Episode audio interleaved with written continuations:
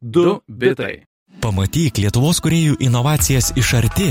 Svarbiausias inžinerinės pramonės metų renginys Lietuvoje Bolt Technika 2022 jau spalio 19-21 dienomis Litexpo. Susipažink su naujausiomis technologijomis, ateik į inovacijų salą ir sudalyvauk verslo kontaktų mugėje. Bilietus platina kakava.lt. Sveiki klausytojai, čia laida Dubitai, kurioje kaip ir kiekvieną savaitę apžvelgsime svarbiausias technologijų naujienas. Aš esu Lukas Karaitis, o su manimi kaip visada Jonas Lekevičius. Labas, Jonai. Labas, Lukai. Turim e, nemažai įvairių naujienų ir tikrai, tikrai įdomių. Sugrįšim prie to, ką jau kalbėjome, bet pirmiausia tema tai tikriausiai yra apie tai, e, apie ką kalbėjo daugelis šią savaitę, apie Eloną Muską. Jis visą save įterpia į visas naujienas. kaip kaip išvengti. Galima jo, be jo apsėti ne, neišeina. Dažniausiai apie jį kalbame mes, bet praėjusią savaitę tikrai apie jį kalbėjo daugelis, kadangi Twitter'yje Elonas Muskas paskelbė apklausą tokią politinę. Ar nereiktų Krymo palikti Rusijai, Ukrainai palikti siekti neutralitetą, la la la la la la, e, taip greičiau būtų pasiekiama taika, rytų europiečių atsakas tarp tarp jų ir lietuvių feisbuke, ukrainiečių buvo eik tu žinai kur. Tai žodžiu, e, apie tai. Ten, kur nuėjo karinis laivas. Taip, e, tai apie tai daugelis kalbėjo, mes kaip, kaip sekantis Elona Muskas sakom, nesijaudinkit, daug kas yra kalbėjęs, daug kas tai kalbėjo, nieko tai daug nekeičia. Ir Tesla akcijos krito, kai kurie sakė, dėl būtent šio pasisakymo, bet iš tikrųjų labiau dėl prastų finansinių rezultatų ir galbūt dar dėl vieno dalyko.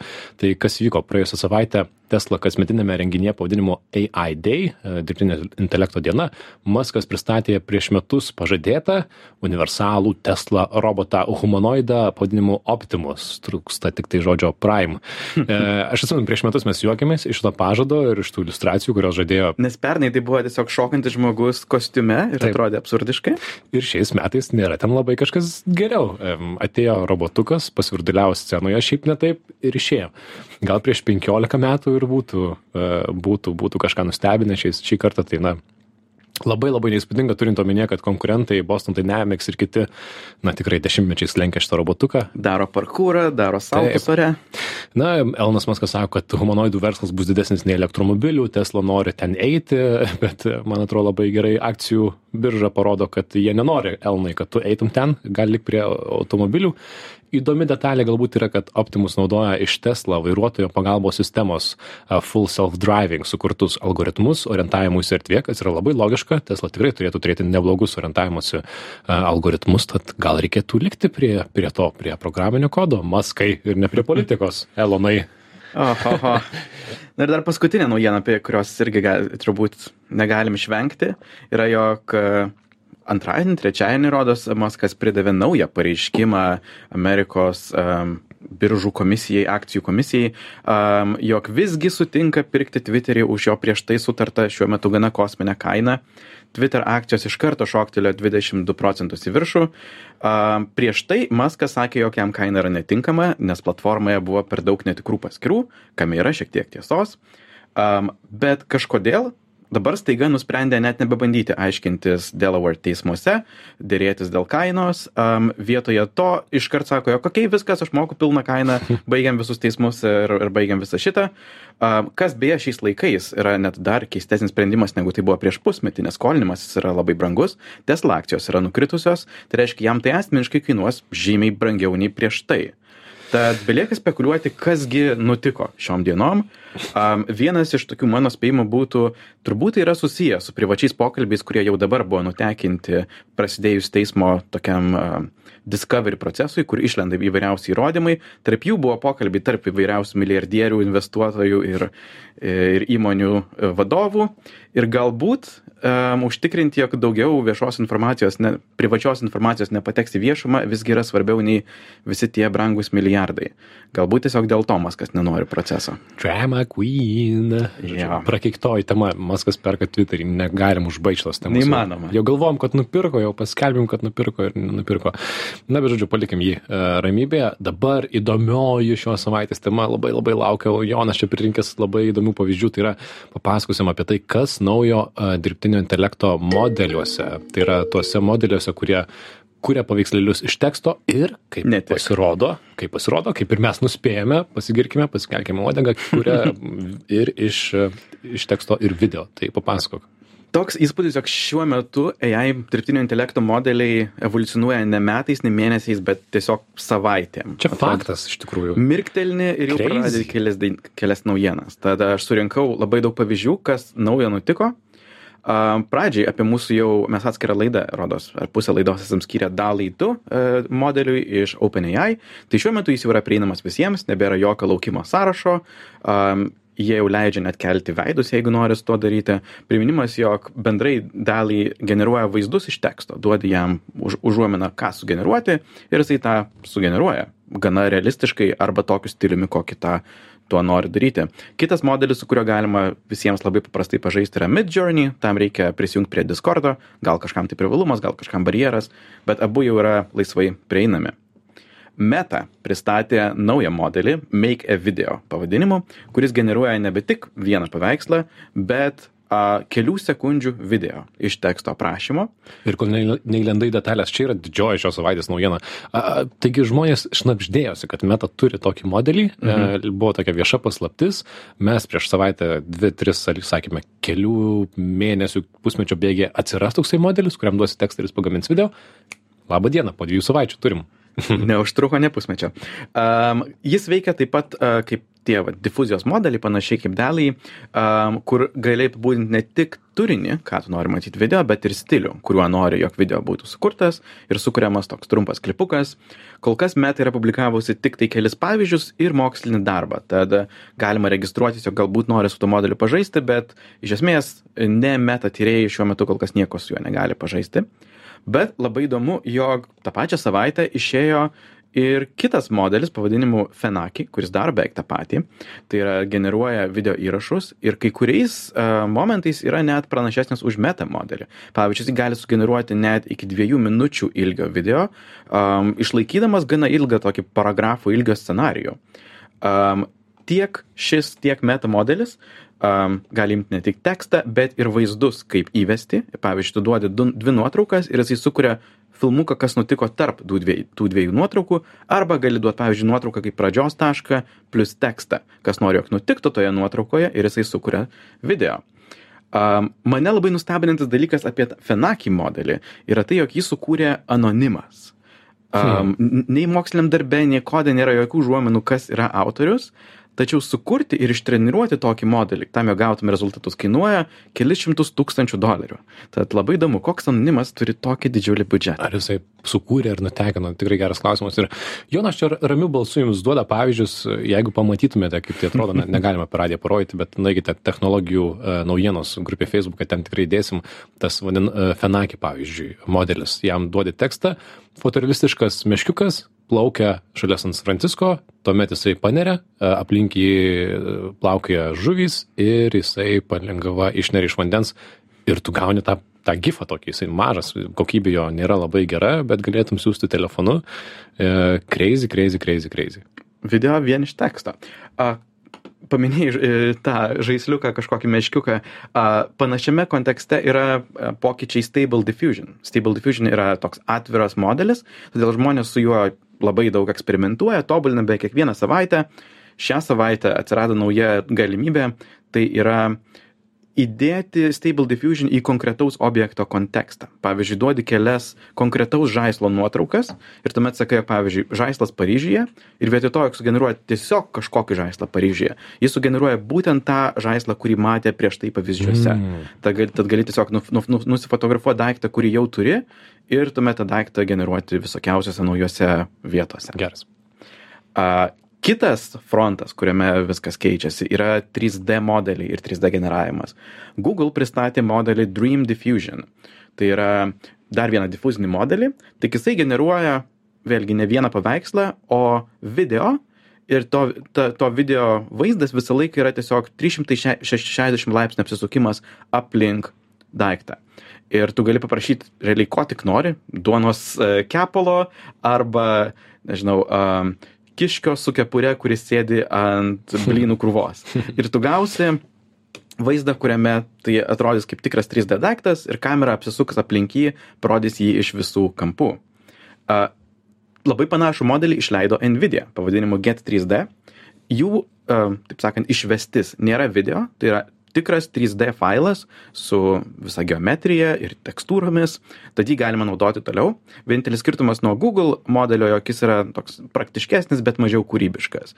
Tai Nvidia tikrai nesukurtų kiškio su kepurė ant blynų krūvos. Um, bet, bet praktiškiau. Wow, kiek čia tų modelių paminėjai, kokius septynis ar ne, ir dar keli yra. Ir dar yra. Audio, audio dar formatas irgi. Um, pavyzdžiui, dar 3D pasaulyje Tel Avivo universiteto mokslininkai sukūrė judesio modelį, kuris geba generuoti žmogaus um, šokį arba smūgį, ką tik nori gali paprašyti ir tada gali už, užvelti judesi, uždėti jį ant kito objekto. Vėlgi, hmm. pilnas 3D įsivaizdavimas vien tik dirbtiniam intelekte. Audio pasaulyje galim net užleisti muzikėlę fone. Paleiskim. Kol aš neku. Girdisi. Girdisi dirbtinio intelekto šiuo metu realiu laiku generuojamas uh, Infinite Bosso muzikėlė. Bosas gitaros solo nesibaigiantis. Paklausykime porą akimirkų.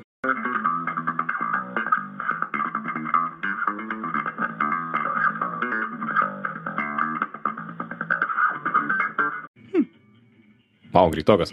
Aš kaip, kaip bosistas, tai jaučiu nerimą taip pat lengva, kad ir iš manęs duona atims. yeah. Šitas modelis. A, gal išjungiam, nes ten toks triukšmas bus, kai tik tai. Ja, jis ten užsidžiazavęs, užsidžiazavęs gerai. Užsidžiazavęs. Um, šitą modelį sukūrė ta pati kompanija, kuri kūrė Stable Diffusion, pavadino jį Dance Diffusion. Ir aš sakyčiau, kol kas dar neskamba labai gerai, bet žinant progresavimo tempą, tai čia dvi savaitės ir bus dar geriau. Um, kitas su garsu susijęs modelis yra Wave 2 Lip modelis, kuriam tu duodi nuotrauką, duodi audio įrašą ir jisai padaro, jog ta nuotrauka kalba. Ir ne tik, kad lūpas juda, bet viskas, visas kūnas juda. Juda rankos, sukinėjasi galva, taip jog atrodo, jog tiesiog tas žmogus, kuris yra nuotraukoje, kalba tą įrašą, kurį gavo. Uh, Panašiai kaip deepfake'as, tik tai dar su audio, ar ne? Jo, Ir dar yra daugiau audio naujienų. Audio gen modelis, kuris generuoja garsus pagal apibūdinę, pavyzdžiui, švilpimas stipraus vėjo fone. OpenAI išleido modelį Whisper, kuris fantastiškai kokybiškai konvertuoja audio į tekstą. Aišku, itin gerai veikia anglų kalba, bet mane stebina, jog tas pats modelis veikia ir su lietuvišku tekstu. Okay. Aišku, palieka Oho. klaidų, bet tai, jog jis apskritai veikia, yra neįtikėtina. Ir aš labai labai daug viską privardėjau, tikrai jūs smegenys per, per kažtus e, tešką. Um, bet visa tai ką paminėjau visi modeliai buvo paskelbti per paskutines tris savaites taip taip aš na nežinau man atrodo kad mes gana subtilūs žmonės nesistengiam daryti geltonų antraščių bet iš tikrųjų neįtikėtina yra kas vyksta šitoje srityje. Man atrodo kad grafikos žmonės kurie seka tikrai naujienas tai dabar turėtų sėdėti ir skaityti ir domėtis kas vyksta ir ir ypatingai grafikos studijos nes vau vau dideli pokyčiai labai šitoje srityje. Kiek bus generuojamo kiek tai iš sukelia etinių iššūkių, tai iš vis net nenoriu pradėti vardinti, kaip mes gyvensime pasaulyje, kuriame iki šiol jau dabar negalėjome tikėti nuotraukomis, nes jos dažnai yra redaguotos, bet jau dabar bus taip, kad visi video, kuriuose, kuriuos matysime, taip pat reikės abejoti, ar jie yra tikri, ar, ar sugeneruoti. Kaip šią akimirką kalbamės apie socialinių tinklų politiką, kaip jie galėtų, ką jie turėtų rodyti, ką leisti, ką laikyti neapykantą ir panašiai. Taip pat į tiek kalbėsime kaip tie difuzijos modeliai turėtų ką kurti. Na jūs nes šią akimirką tikriausiai jie turi ir nemažai įvairių šališkumų. Jeigu parašytų paprašytum duoti tau teroristo vaizdą tai greičiausiai jisai būtų su turbanu ant galvos. Mhm. kas yra na taip šališkumas ir panašiai. Bus mums ką veikti mhm. ateinančius porą metų ir aišku vėlgi per tas tris savaites nebuvo visi šitie dalykai sukurti bet tai taip pat reiškia visi tie mokslininkai kurie tai sukūrė šiuo metu dirba prie dar labiau žingsnį į priekį. Ir aš pradedu įsivaizduot kodėl kai kurie mokslininkai kurie yra šitoje srityje sako jog galbūt net šio dešimtmečio pabaigoje galėsime turėti jau pilnai žmogaus intelektui tolygų dirbtinį intelektą. Man tai yra nesuvokiama kaip taip greitai gali dalykai keistis bet matant kokiu tempu atsiranda viena po kitos naujienos vau darosi baugoka. Taip, ir atrodo, kad visai artimoje ateityje jau turėsime tos modelius, kurie video įrašus gamins super kokybiškai, nes dabar jie, na, mažai pikselių, kažkas ten keičiasi, matai, lygiai tas pats, kaip kas buvo su nuotraukomis prieš 3-4 metus. Mhm. Dabar su nuotraukomis viskas yra čiki piki, tai tai bus ir su video. Tai laukiu tos dienos. Žinių radio klausytėjams priminsime, kad girdite laidą pavadinimu Dubitai, apkalbame svarbiausias technologijų naujienas, difuzijos modelius ir kas juose įvyko per 3 savaitės paskutinėsias, vos spėjome sutalpinti į 10 minučių. Kita labai mane prajuokinusi, pralinksminusi naujiena yra su aktoriumi Briusu Vilius su uh, tuo pačiu, kuris vaidina kietame riešutėlėje ir kitur. Žodžiu, prieš kelias savaitės pasirodė tokia žinia, kad uh, aktorius Bruce'as Willisas pardavė teisės į savo veidą, kad ir ką tai reikštų, uh, deepfake'us kuriančiai kompanijai pavadinimu Deepcake. Uh, pirmasis toksai deepfake technologija įtraukiantis kontraktas. Kietas riešutėlis filmuose amžinai tuomet šaukė antraštės, Daily Mail tai pranešė ir dar tai sustiprino, kadangi pavasarį aktorius paskelbė, kad dėl lygos, kuri paveikia jo kalbą, jisai išeina į pensiją, o Deepcake, Deepcake yra reali įmonė, amerikietiška, e, įkurta ukrainietės, kuri dirbtinio intelekto sprendimus uh, siūlo vaizdo įrašams ir 2021 metais Rusijos telekomunikacijų kompanijai jis sukūrė reklamą su, su Viliusu, kurioje vaidina rusas aktorius, bet yra uždėtas uh, Briuso Viliuso veidas ir panaudojama kadrai iš Die Hard ir penktojo elemento filmų ir be abejo tuo atveju aktorius ir jo agentai davė sutikimą nuotraukas e, buvo geras geri viešieji ryšiai iš to padaryti kad štai reklama ji padaryta su deepfake technologija visiems įdomu bet e, na ta melagiena šiokia tokia tai yra kad jokių teisių į veidą nepardavė nors tai išvis klausimas kaip tai yra įmanoma mhm. padaryti teisiškai um, visa tai na kaip buvo susisiekta pačiu su briusu viliusu ir jisai sako ne ne ne nejuokaukit e, to tikrai nėra. A, ir tada na visi gerbėjai nusivylė reiškias penkiasdešimtais metais greičiausiai naujų e, bilo viliuso filmų nebus. E, tai žodžiu tai buvo antis jeigu tai kažkas sekėte be abejo iškelia klausimus tai kai kaip ateityje bus tais dypfeikais ar jie kurs aktoriams a, filmus iki pabaigos a, jų jų gyvenimo ir dar toliau. A, panaši susijusi istorija yra su jungtinių kara jungtinės karalystės performatyviųjų menų menininkų sąjunga kuri birželį paleido kompaniją stop ai stealing the show. Sustabdykime dirbtinį intelektą kuris vagia vakarėlį. Uh, ji sako ta menininkų sąjunga sako kad dirbtinio intelekto sprendimai atlikėjai atlikėjams ne visada suteikia na teisinius įrankius uh, save apginti savo teises ir panašiai to labai konkretus pavyzdys iš vienos merginos kuri prisidėjo prie šitos kompanijos jos vadinamas jos vardas yra bev standing aštuonioliktais metais kinijos akustikų tyrimų institutui tad akademijai įrašė apie dešim tūkstančių frazių su savo balsu o gavosi taip kad jos balsas vis dar dabar įgarsina tekstą e, tiktoko vaizdo įrašams šiaurės amerikoje. Žinote jeigu ant vaizdo įrašo uždedi e, tekstą ir ten toksai robotukiškas šiek tiek atrodo balsas jį perskaito tai ten būtent yra šios merginos balsas. Ir ji nežinojo kad tiktokas taip padarys. Jis matyt tiktokas nusipirko leidimą licenciją ir padarė. O jinai suprato kai jai draugai atsiuntė kad parašius tekstą jos balsu jinai gali pasakyti bet ką. Na kad ir nesąmonę ir padavė tiktoką į teismą. Jie tarpusavyje išsiaiškino tą bylą bet na buvo toksai konkretus pavyzdys kaip šią akimirką teisiškai labai labai nėra aišku ką daryti su tais skaitmeniniais dvyniais. Mhm. nors pavadinimas man labai nepatinka. Aš manau net jeigu turint omenyje šitą naujieną su briusu vilusu yra antis visgi tikrai laiko klausimas kada aš manau tas ypač pradės galiot naujiems aktoriams kuriems suteikiamos kažkokios naujos galimybės. Pavyzdžiui marvel kuria naują superherojų reikia naujo galbūt dar kol kas nelabai garsaus aktoriaus. Ir iš karto sako žiūrėk jeigu tau kažkas nutiks mes vis tiek norime tęsti tavo veikėją tai tiesiog duok sutikimą kad mes galim tavo veidą naudoti ir tas aktorius nori dirbti su Marvel ir pasirašo tą sutartį. Ir, ir tada staiga... nukrenta nuo tilto tas aktorius staiga, nes pas... Jokauju, aišku, bet, na, bet tai tikrai uh, labai intensyviai autoriai, aktoriai kelia šitos klausimus apie kūrybą, girdėsim tų diskusijų tikrai vis daugiau. Uh, man pačiam smalsu, asociacija Latga, kuri, kuri yra autorių teisų bendryje Lietuvoje, aš jai priklausau kaip vienas iš muzikos autorių, kada bus galima gauti honorarą už savo deepfake, pavyzdžiui, arba savo uh, sugeneruotą balsą šalia televizijos honoraro ir radio honoraro. Aš tai Arba kažkas laukiu. ištreniruos dirbtinį intelektą ant abu albumų ir tada sukurs generatyvų. Arba ant mano balso. Aš nežinau, jeigu labai brangiai gal ir parduočiau. Prašome siūlyti sumas. Na ką. Gerai, paskutinė naujiena, ar net tikriausiai daugiau nespėsim. Viso gero Google Stadia. Taigi, Google, kuris jau seniai turi reputaciją kaip kompanija, kuri greitai pradeda, bet ir greitai uždaro projektus, uždarė dar vieną. Prieš keturis metus labai garsiai paskelbta nauja platforma Google Stadia, kuri turėjo būti skirta žaidimams debesyje.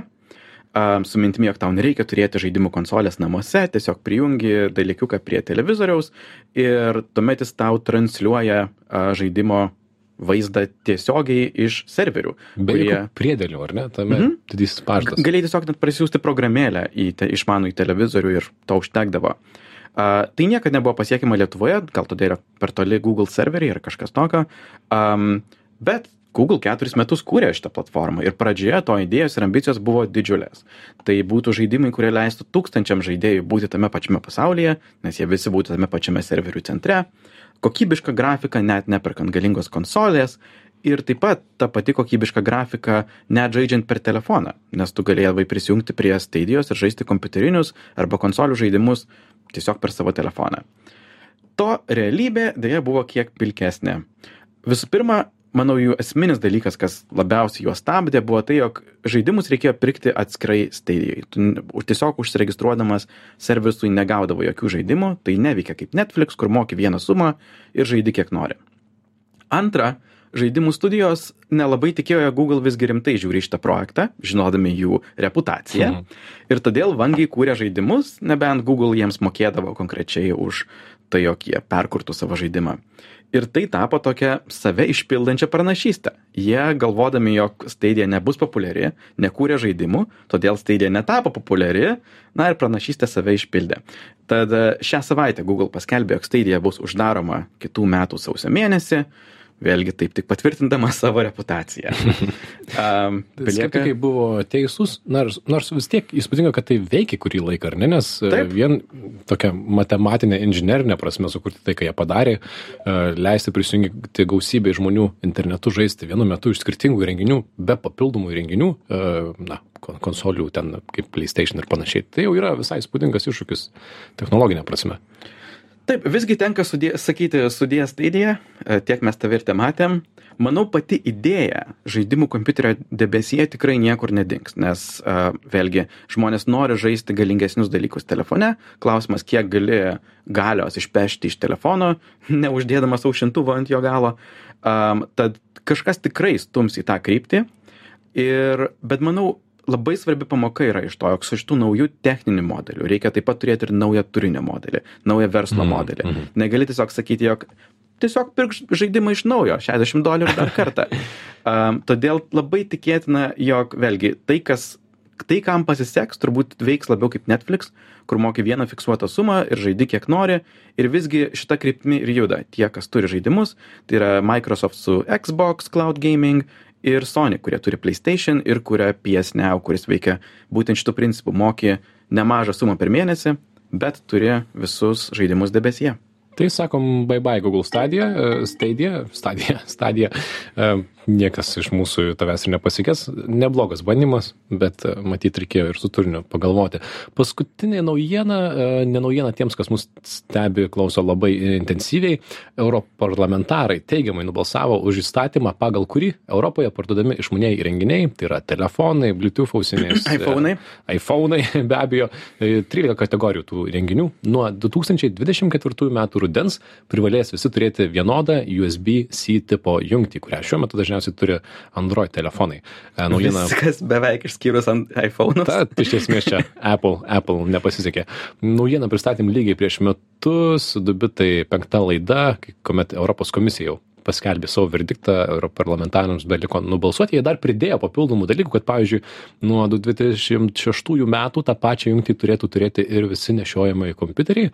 Mm, jiems duota daugiau laiko, nemaža dalis tų kompiuterių ir dabar turi, bet be abejo šitas visas na, pokytis labiausiai liečia Apple, kurie turi savo kaip ten tą? Lightning. Lightning jungtį ar ne, tai jie turės Europoje ir tikėtina galbūt, nežinau, o jeigu jie Europoje darys USB-C, tai reiškia, kad visus modelius darys, kad būtų Tikrai paprasčiau. taip, jie, ar jie ne? tikrai nes, nespręs. Plus mes jau žinome, jog gandai net ir už iš praeitų metų yra, jog jau iPhone 15, kuris turėtų išeiti kitais metais, turės USB įsijungti, tad labai tikėtina, šitas modelis yra paskutinis iPhone modelis, kuris turi Lightning ir, uf, pats laikas, nes jau taip atsibodo. Tikrai, net, Skirtinga jungtis. net Jonas pritarė. Ir Apple, aišku, pabambėjo apie šitus pokyčius, na, visus metus jie bambėjo, bet Bloomberg praneša, kad jie jau nuo vasaros testuoja USB-C jungti savo iPhone'ams, o ES, na, įsitvirtina save kaip vieną ryškiausių savo sėkmės istorijų, tai yra uh, įkroviklių suvienodinimą. Jau 2009 metais, ar ne, berots turėjome tą gausybės neišmanių telefonų suvienodinimą ir dabar turėsime po dviejų metų dar vieną. Na, vartotojai, mes iš to naudotojai tik tai išlošiam, man atrodo, mažiau kabelių, mažiau laidų. Tai Įdomu, jie tarp savo sėkmės istorijų deda sausainėlių banerius. Mm, Tarp tokių nelabai sėkmės istorijų, kiek, kiek man Jo. tenka girdėti. Tai tiek šiandien visai nemažai spėjome papasakoti jums. Nuorodas į epizode minėtus šaltinius ir vaizdus, apie kuriuos pakalbėjome, rasite mūsų svetainėje dubitai.com bei technologijų naujienos Facebook grupėje. Mūsų galima klausytis kaip tinklalaidę, kur jums tik patogu - Spotify ir per kitas tinklalaidžių programėlės. žiniųradijas.lt yra visi laidų įrašai, o čia buvome mes, Lukas Keraitis ir Jonas Lekevičius. Laida Dubitai sako iki kitos savaitės. Iki. Iki. Du bitai. Pamatyk Lietuvos kuriejų inovacijas iš arti. Svarbiausias inžinerinės pramonės metų renginys Lietuvoje Bolt Technika 2022 jau spalio 19-21 dienomis Litexpo. Susipažink su naujausiomis technologijomis, ateik į inovacijų salą ir sudalyvauk verslo kontaktų mugėje. Bilietus platina kakava.lt.